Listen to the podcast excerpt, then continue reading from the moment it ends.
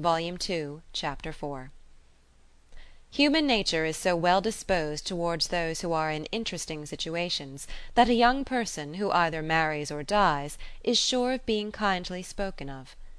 A week had not passed since Miss Hawkins's name was first mentioned in Highbury before she was, by some means or other, discovered to have every recommendation of person and mind; to be handsome, elegant, highly accomplished, and perfectly amiable; and when Mr. Elton himself arrived to triumph in his happy prospects and circulate the fame of her merits there was very little more for him to do than to tell her Christian name and say whose music she principally played.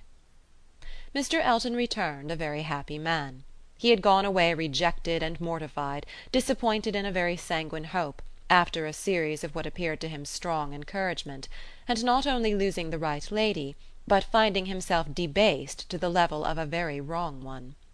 He had gone away deeply offended; he came back engaged to another, and to another as superior, of course, to the first, as under such circumstances what is gained always is to what is lost. He came back gay and self satisfied, eager and busy, caring nothing for Miss Woodhouse, and defying Miss Smith.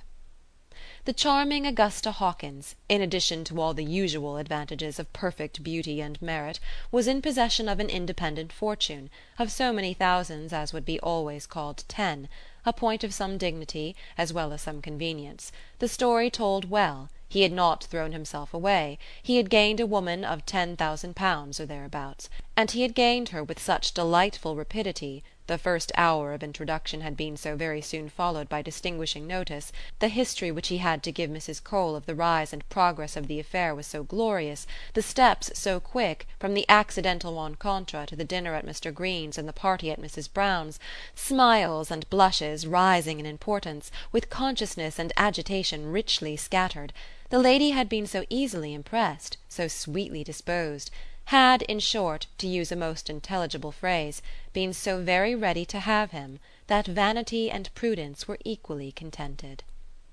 He had caught both substance and shadow, both fortune and affection, and was just the happy man he ought to be talking only of himself and his own concerns, expecting to be congratulated, ready to be laughed at, and with cordial fearless smiles now addressing all the young ladies of the place to whom, a few weeks ago, he would have been more cautiously gallant.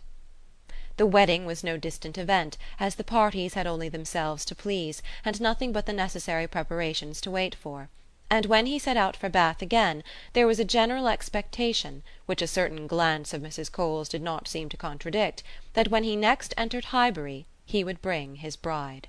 During his present short stay Emma had barely seen him, but just enough to feel that the first meeting was over and to give her the impression of his not being improved by the mixture of pique and pretension now spread over his air. She was in fact beginning very much to wonder that she had ever thought him pleasing at all, and his sight was so inseparably connected with some very disagreeable feelings that except in a moral light, as a penance, a lesson, a source of profitable humiliation to her own mind, she would have been thankful to be assured of never seeing him again. She wished him very well, but he gave her pain, and his welfare twenty miles off would administer most satisfaction. The pain of his continued residence in Highbury, however, must certainly be lessened by his marriage; many vain solicitudes would be prevented, many awkwardnesses smoothed by it; a Mrs. Elton would be an excuse for any change of intercourse; former intimacy might sink without remark; it would be almost beginning their life of civility again. Of the lady, individually, Emma thought very little.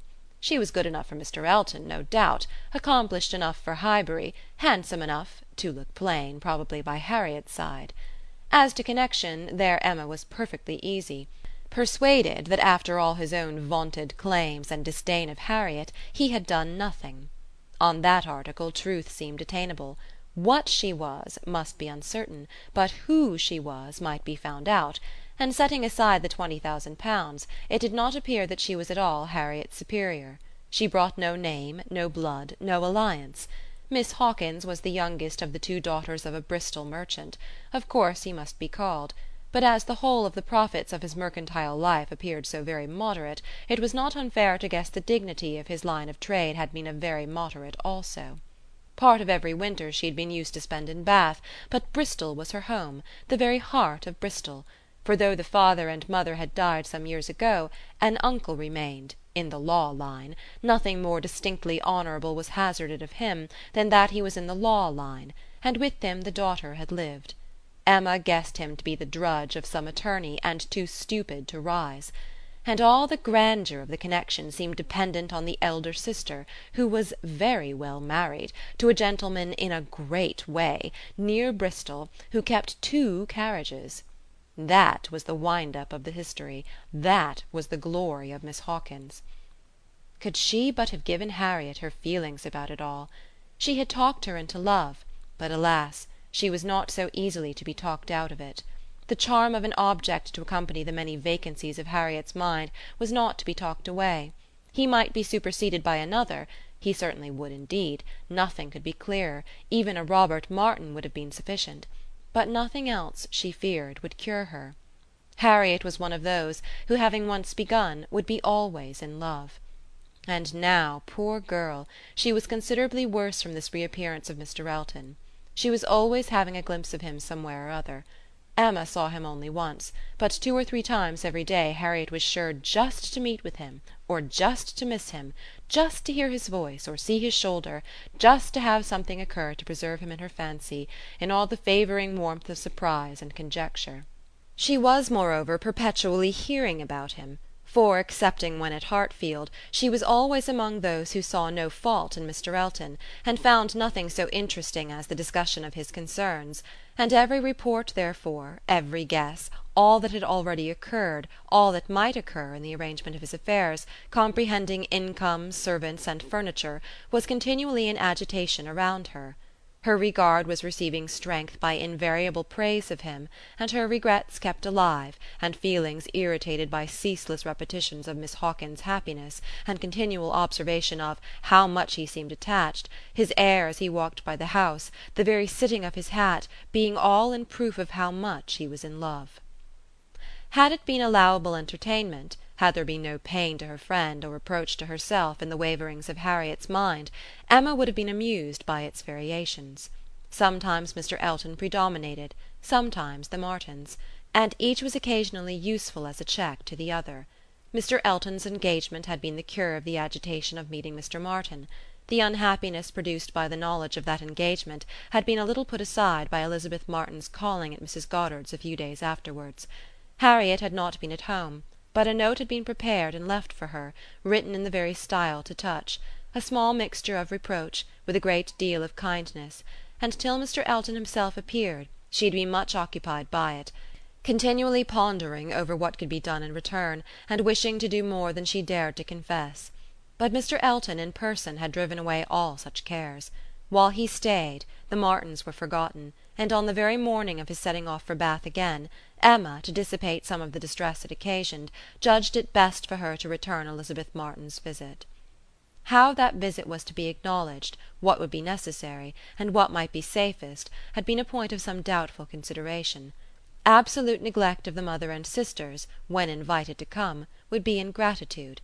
It must not be; and yet the danger of a renewal of the acquaintance! After much thinking she could determine on nothing better than Harriet's returning the visit, but in a way that, if they had understanding, should convince them that it was only to be a formal acquaintance.